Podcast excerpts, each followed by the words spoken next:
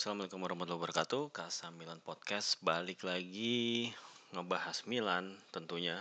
Dan uh, untuk edisi kali ini gue sebenarnya nggak ngebahas Milannya banget gitu ya.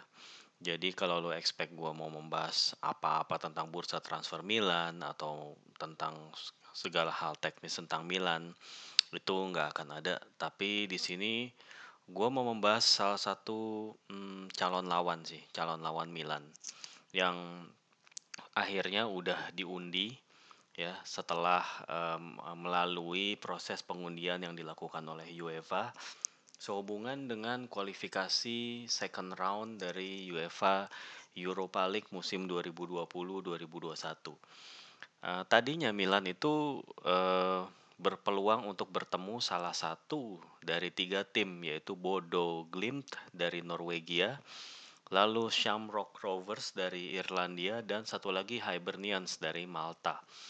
Dan akhirnya sesuai dengan episode apa uh, harapan gue di episode podcast kemarin gitu ya. Milan itu ketemunya Shamrock Rovers ya uh, kesebelasan asal Irlandia ya. Uh, kenapa gue pengen ketemu Shamrock ya ketimbang dari dua kesebelasan yang lain? Karena nggak lain adalah gue di antara tiga di antara tiga klub tadi gitu ya yang paling gue tahu sedikit lah ya paling gue tahu sedikit aja gitu yaitu Shamrock ya. Ada beberapa cerita gitu nah, sehubungan dengan mereka yang sedikit ada hubungannya sama Milan sebenarnya gitu. Uh, by the way gue juga di sini mau ngasih tahu juga bahwa sebetulnya gue ini nggak cuma tertarik kepada sepak bola itu secara permainannya doang di lapangan gitu. 90 menit di lapangan. Adu strategi adu taktik tentang apa bagaimana pemain itu berjibaku di lapangan itu tentu gue ikutin gitu ya. Tapi e, lebih dari itu gue juga sangat e, memperhatikan dan dari dulu itu emang suka banget e, dengan cerita-cerita yang terjadi di luar lapangan ya dan baik itu uh, dari sisi sejarah maupun dari sisi kultur ya apa pun itu di luar lapangan lah finansial gitu ya kan banyak gitu eh, faktor-faktor di luar lapangan itu yang berpengaruh kepada kekuatan tim di dalam lapangan gitu ya. dan sepak bola itu buat gue juga nggak berhenti di 90 menit setelah wasit meniup peluit gitu ya udah berhenti menurut gue pembahasan atau obrolan sepak bola itu jauh lebih luas daripada itu sih gitu. Jadinya ya uh, di sinilah gue mencoba untuk membahas gitu ya uh, sepak bola itu dari sisi ya dan ini adalah salah satunya gitu. Jadi kalau kita ngebahas uh, sepak bola dari luar lapangan walaupun gak ada pertandingan tetap ada yang dibahas. Gitu loh. Itu salah satu keuntungannya kalau lo tertarik dengan sepak bola di luar lapangan gitu.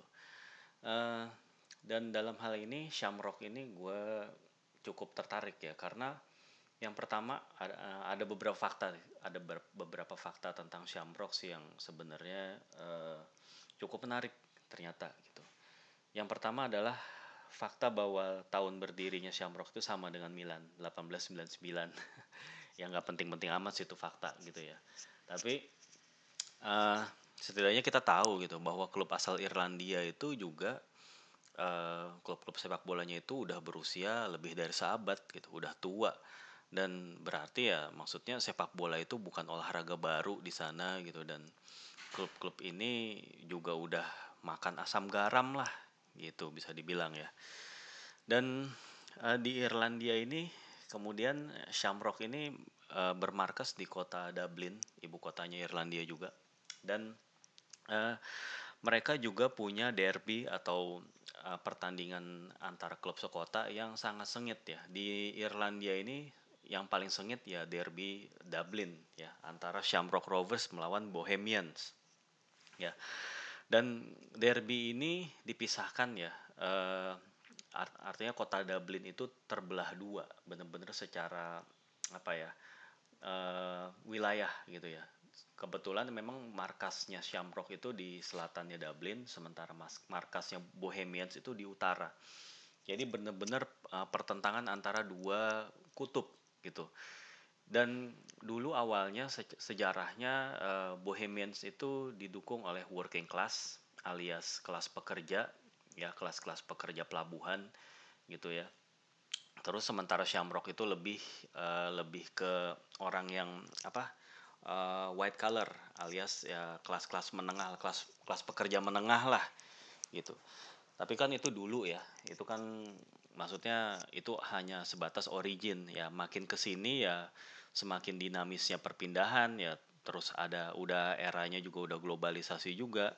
Tentu ya sekat-sekat ataupun segmentasi ataupun segregasi-segregasi semacam itu tuh udah kayak tinggal cerita sih.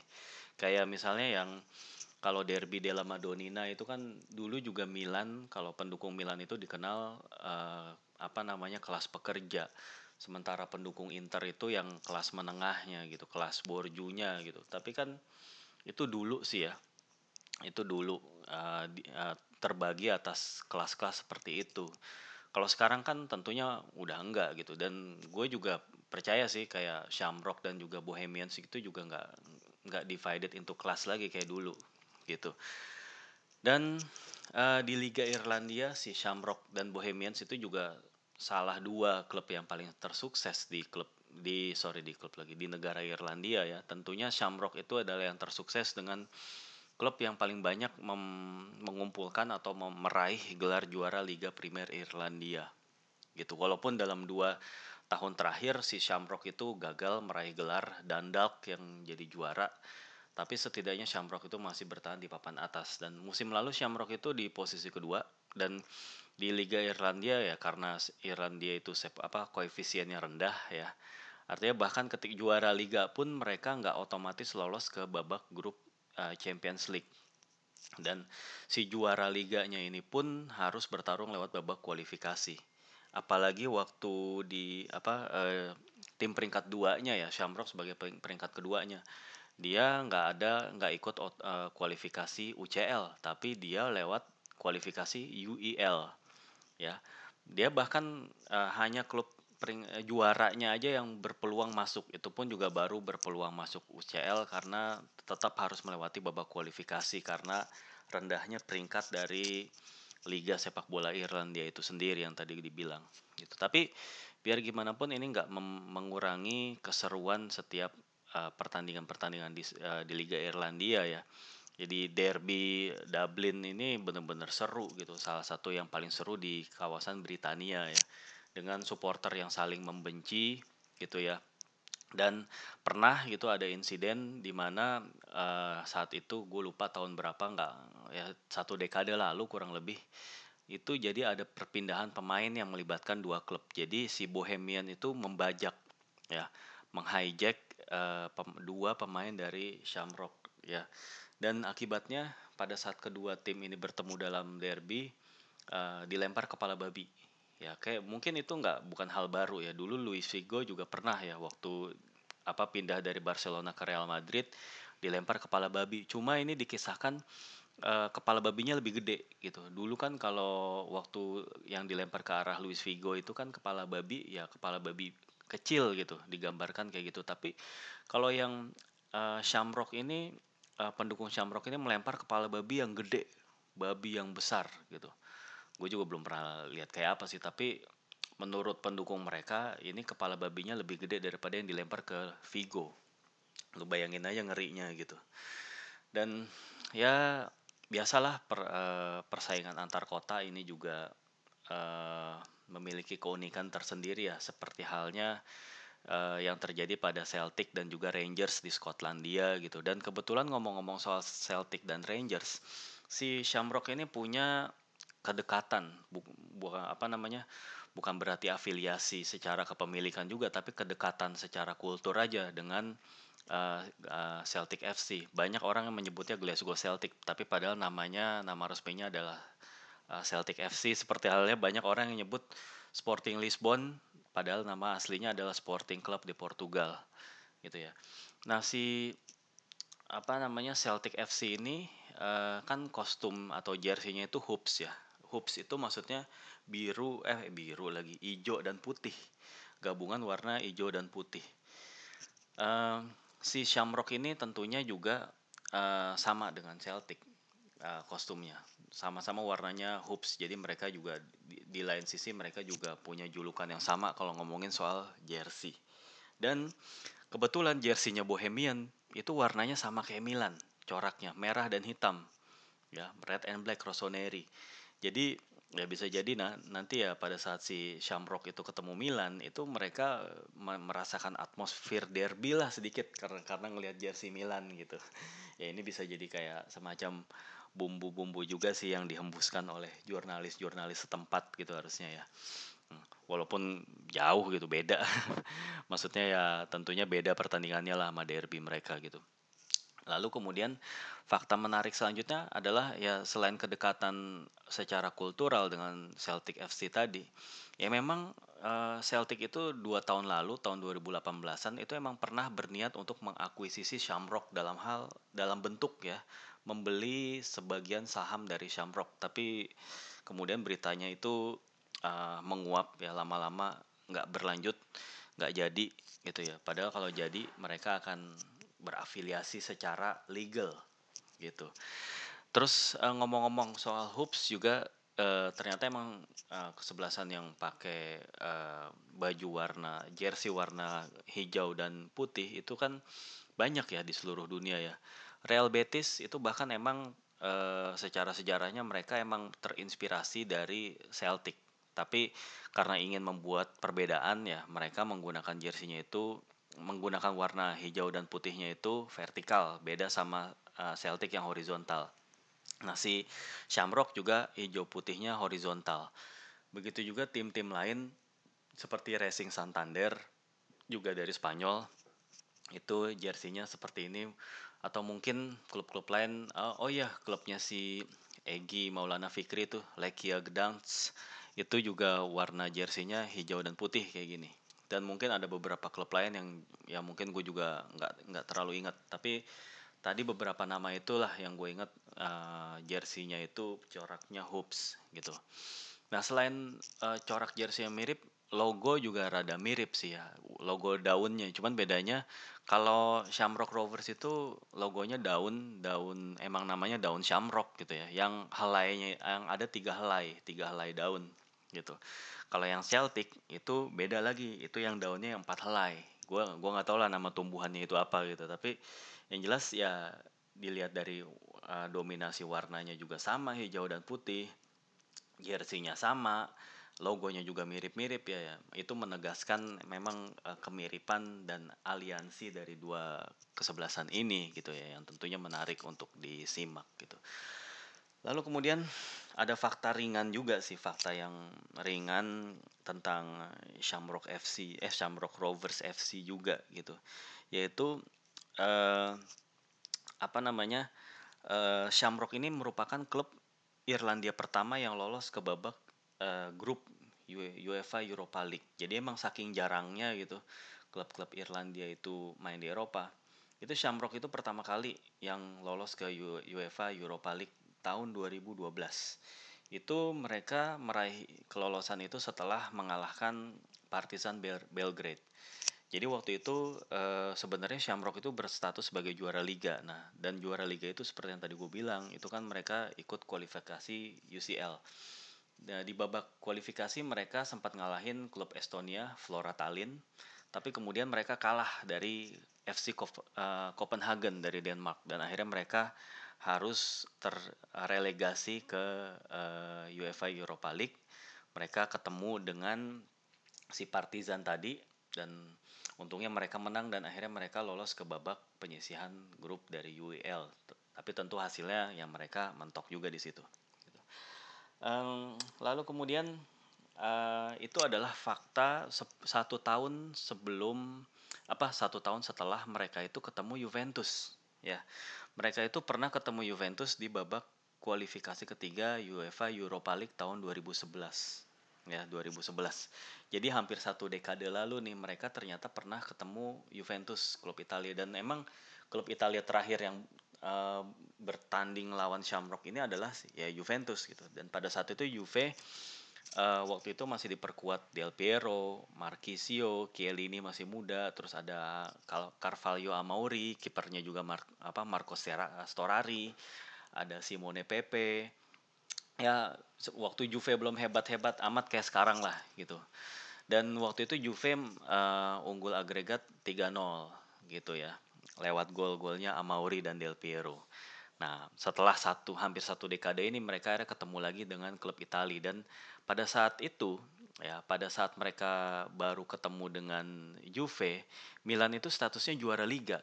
Milan itu kan terakhir juara liga 2011 gitu ya.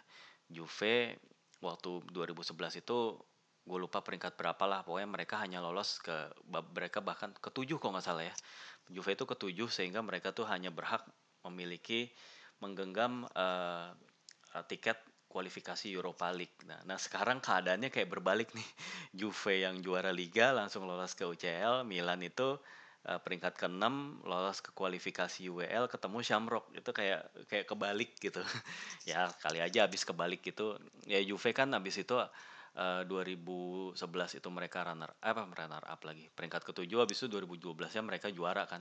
Siapa tahu gitu Milan dari peringkat 6 jadi juara ya walaupun itu jauh banget angan-angannya gitu ya. Jangan di jangan diingat kata-kata gue ini. Ini mungkin cuman cuman harapan belaka gitu. Tapi ya ya nggak tau lah diman, di mana pun ya sepak bola itu kan semua penuh dengan serba kebetulan ya ya bukan cuma sepak bola aja sih ya hidup tuh emang penuh dengan kebetulan gitu makanya banyak yang bilang ya lu baik-baik aja deh sama orang gitu. Siapa tahu aja lu di masa depan lu bakal ketemu dia sebagai apa sebagai apa gitu. Ya ya itu sih common sense aja lah ya general advice aja sih gitu. By the way balik lagi ke Shamrock tadi. Ya ternyata uh, selain dari fakta bahwa mereka pernah ketemu Juventus mereka jadi tim Italia terakhir yang ketemu Juventus mereka juga ada uh, tent, uh, apa pernah berhadapan dengan Real Madrid dalam sebuah uh, friendly games di sebuah preseason pada saat musim debutnya si Cristiano Ronaldo.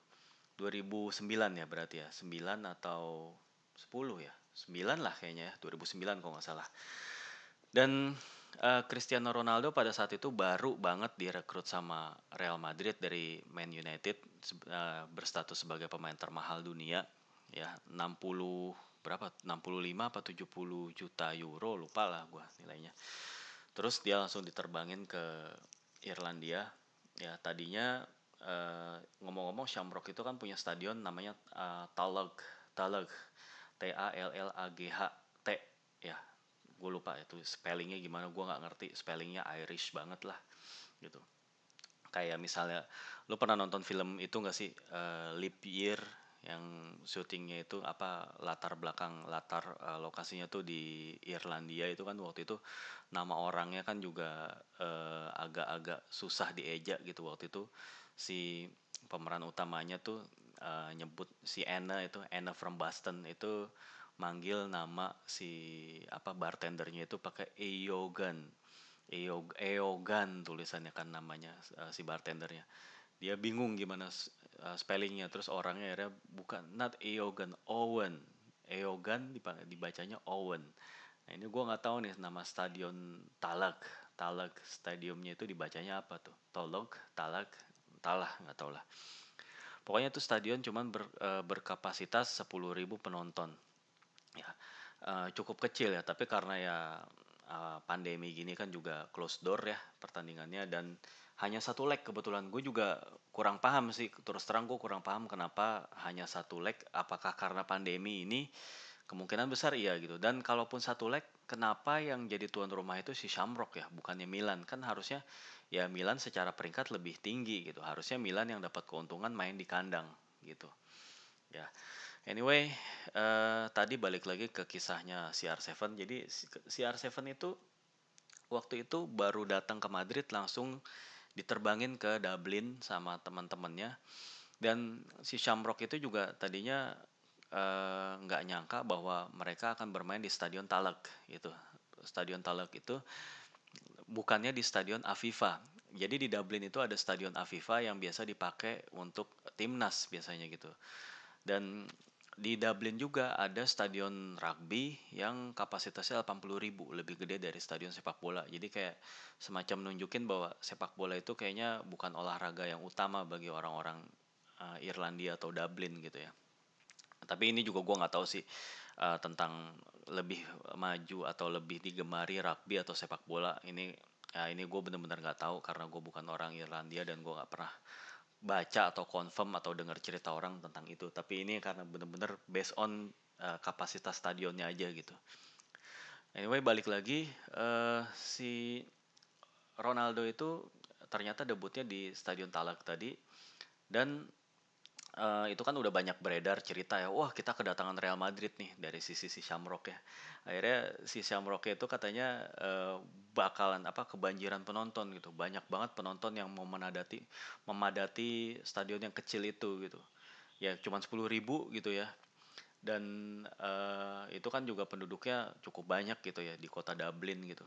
Akhirnya katanya uh, tiketnya itu jadi mahal dan akhirnya banyak orang yang uh, di kotanya sendiri uh, harus beli tiketnya tuh di eBay, di situs eBay, bukannya di penjual loket resmi. Mereka baru bisa beli di eBay, tentunya dengan harga yang lebih mahal. Itu karena emang ada cerita, jadi ada cerita, lokal resident lah, lokal supporter waktu itu yang bilang bahwa uh, emak gue nih seumur seumur itu nggak pernah nih nonton pertandingan bola di stadion, tapi ya gara-gara mau ngelihat Real Madrid dan ada Cristiano Ronaldo ini pengen dia juga tiba-tiba beli jadi beli tiket gitu. Artinya kan animonya itu udah apa namanya udah membludak banget gitu ya di di pertandingan itu dan emang bener gitu. Pada saat akhirnya apa Real Madridnya itu datang ngasih uh, apa susunan pemain lah yang di yang bakalan dibawa gitu dan cuman apa dan juga susunan pemain yang akan diturunin si pemain-pemainnya tuh amazed gitu. Wah gila gua berhadapan dengan Ronaldo dengan Raul Gonzalez dengan Benzema gitu dengan Lasana Diara gitu.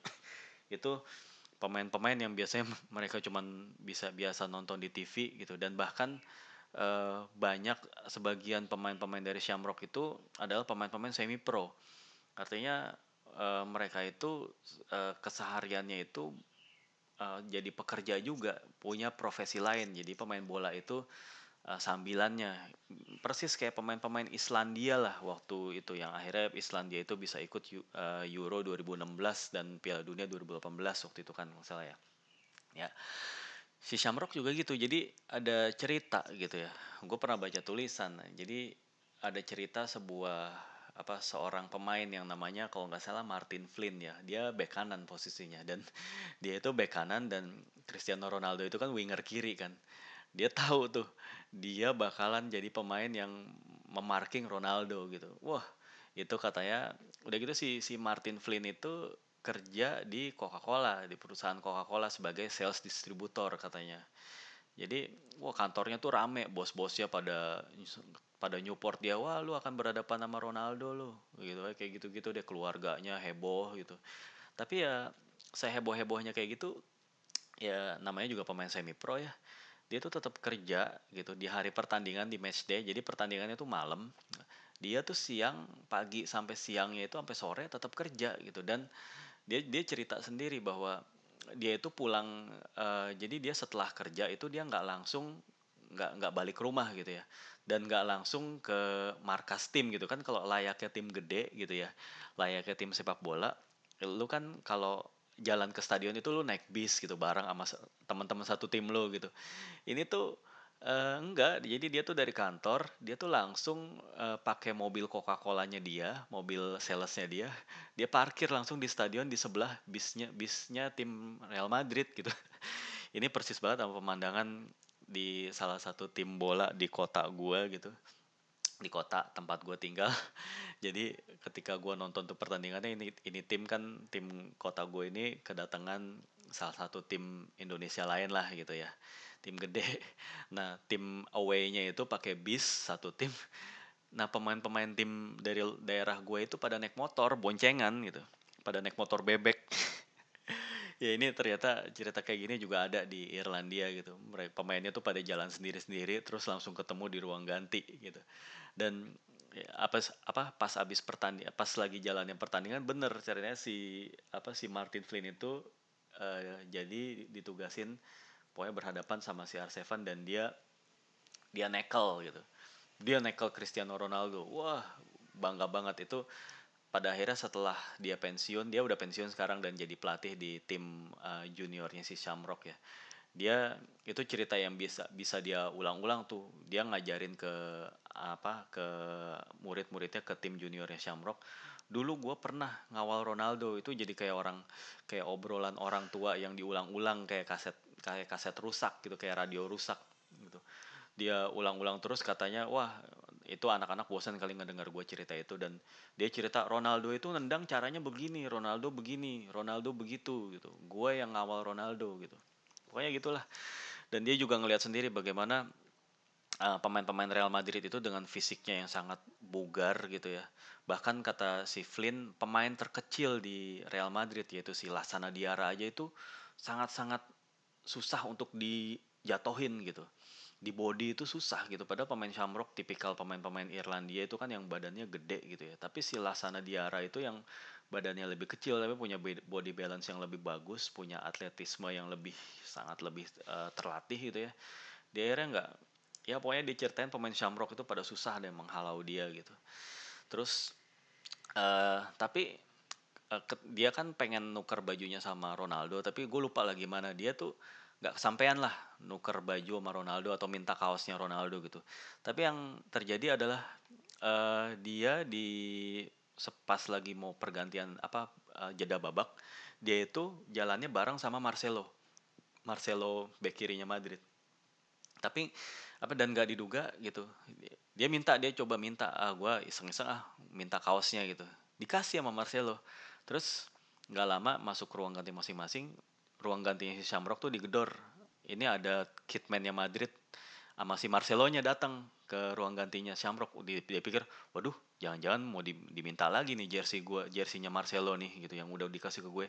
Eh nggak taunya si Marcelonya malah minta jerseynya si Flynn tadi gitu. Tukeran. Weh, lu udah minta jersey gua tuker dong gitu. Tukeran sama jersey lu mana sini gitu. Wah, gitu. Jadi dia tuh cerita uh, di tengah mungkin Marcelo itu punya koleksi koleksi jersey itu banyak ya pemain-pemain dunia. Mungkin dia punya jerseynya Messi dia punya jerseynya si uh, Ronaldo juga dia punya jerseynya siapalah pemain-pemain dunia. Tapi di di tengah di antara segunungan atau bergantung gak apa ber apa berhelai-helai jersey pemain-pemain dunia yang uh, Marcelo punya itu tersempil mungkin jersey-nya si Marcelo eh si Martin Flynn gitu.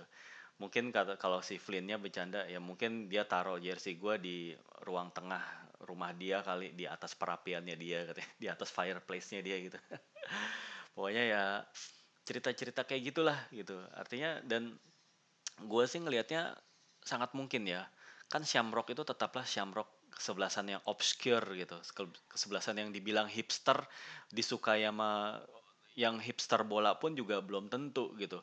Kalau lu pengen suka sama klub bola yang second atau third tier itu kan gue nggak yakin lu milih Shamrock. Lu paling ya milihnya kayak Athletic Bilbao atau Saint Pauli lah klub klub hipster yang sekarang mainstream itu kan kayak Saint Pauli ataupun ya uh, apa lagi ya?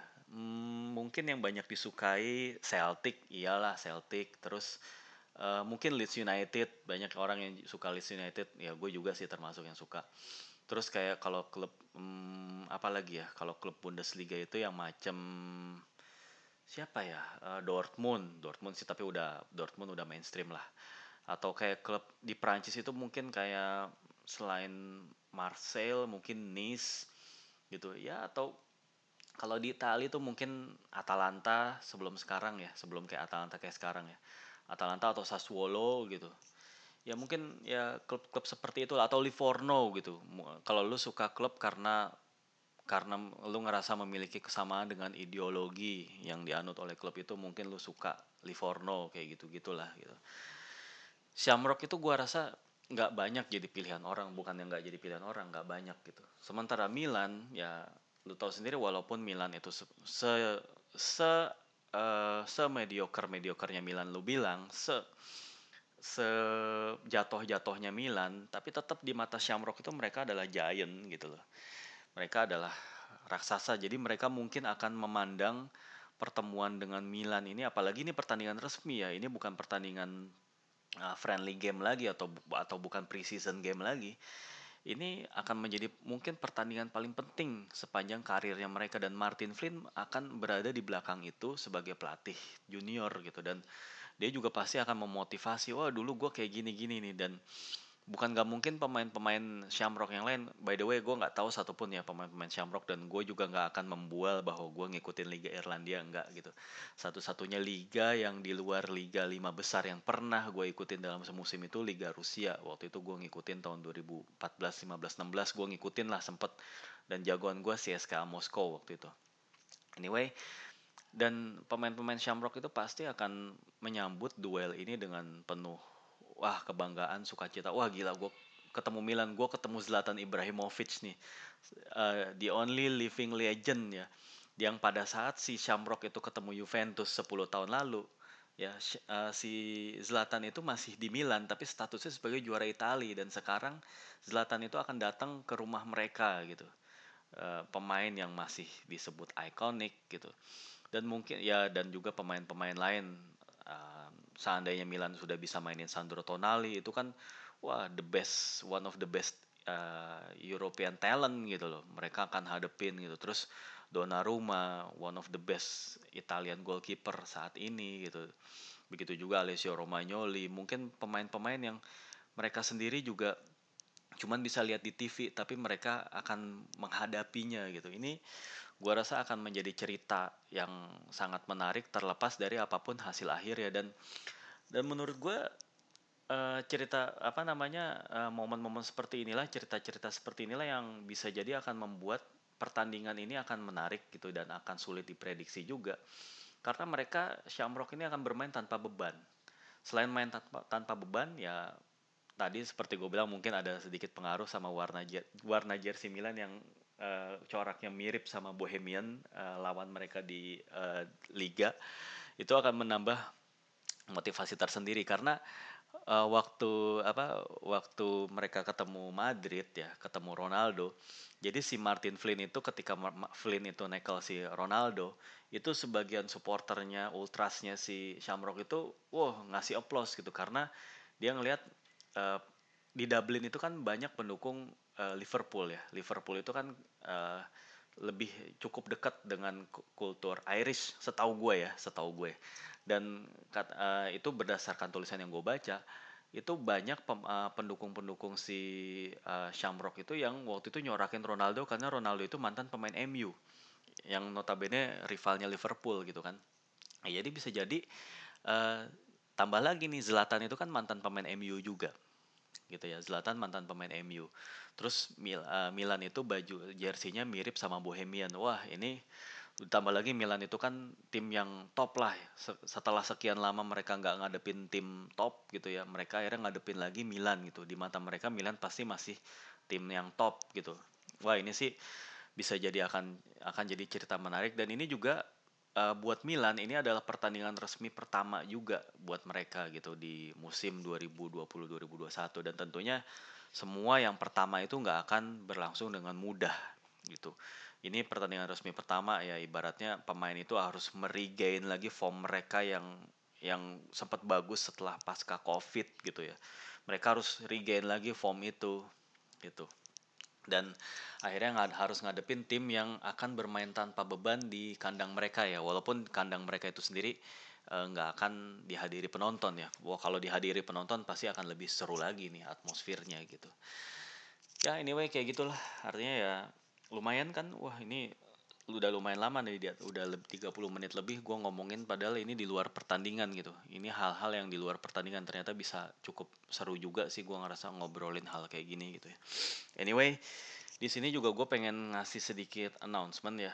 Mohon maaf juga ya sekaligus ya bahwa mungkin gue nggak akan terlalu uh, seaktif dulu ya ngisi kasamilan podcast. Mungkin podcast ini akan gue bikin kayak tayang seminggu sekali ataupun uh, sebulan dua kali ya. Karena ada satu dan lain hal yang ingin gue kerjakan project another project yang coba gue initiate lagi gitu. Nanti mengenai projectnya itu apa ya nantilah gitu kalau udah jadi aja gitu. Yang pasti yang jelas hmm, gue sih ngerasa gue ini kan sebenarnya ya penggemar sepak bola biasa lah gitu seperti teman-teman sekalian juga. Dan sebagai penggemar bola biasa hmm, gue juga pengen memperluas gitu memperluas lagi uh, apa namanya uh, bahasan ataupun konten-konten yang gue bikin gitu. Jadi gue nggak pengen yang terlalu Milan banget gitu. Ya mungkin ya gue gua nggak memungkiri bahwa gue seorang Milanista gitu gue nggak memungkiri juga gitu. Tapi uh, eh, gue juga pengen tetap ngikutin liga lain tetap excited nonton pertandingan sepak bola klub lain liga lain negara lain gitu. Dan tetap mengikuti sepak bola itu dari segala macam sisi dari luar lapangan gitu segala macam lah gitu. Jadinya uh, eh, gue perlu sih gue ngerasa perlu dan waktu itu sempat ada yang ngomong juga ke gue pengen ini kan dulu podcastnya juga namanya The Classic Number 10 ya yang ngebahas sepak bola dari banyak sisi bukan cuma Milan doang gitu. Ya waktu itu aja gue mutusin untuk lebih segmented ngebahas Milan gitu. Tapi gue pikir ada baiknya juga untuk menghidupkan kembali The Classic Number 10 mungkin dalam bentuk yang lain gitu. Tapi gue nggak mungkin juga kayak menghidupkan kembali The Classic Number 10 tapi mem mematikan Kasamilan Podcast yang nggak juga gitu.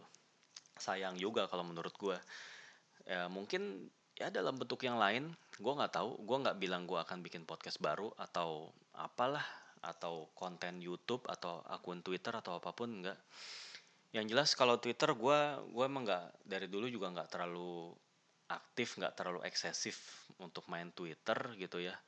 Eh, nggak uh, terlalu serius juga. Dan gue juga ya gue lebih serius ngegarap konten sih gitu ya. Dan gue harap juga itu akan terus berlanjut ya. Dan ya tunggu aja lah gitu. Tapi ya walaupun begitu ya sebagai gantinya memang sebagai konsekuensinya maksudnya ya emang harus ada yang dikorbanin dan mungkin Kasamilan Podcast ini akan sedikit uh, berkurang itunya gitu berkurang uh, frekuensinya gitu ya.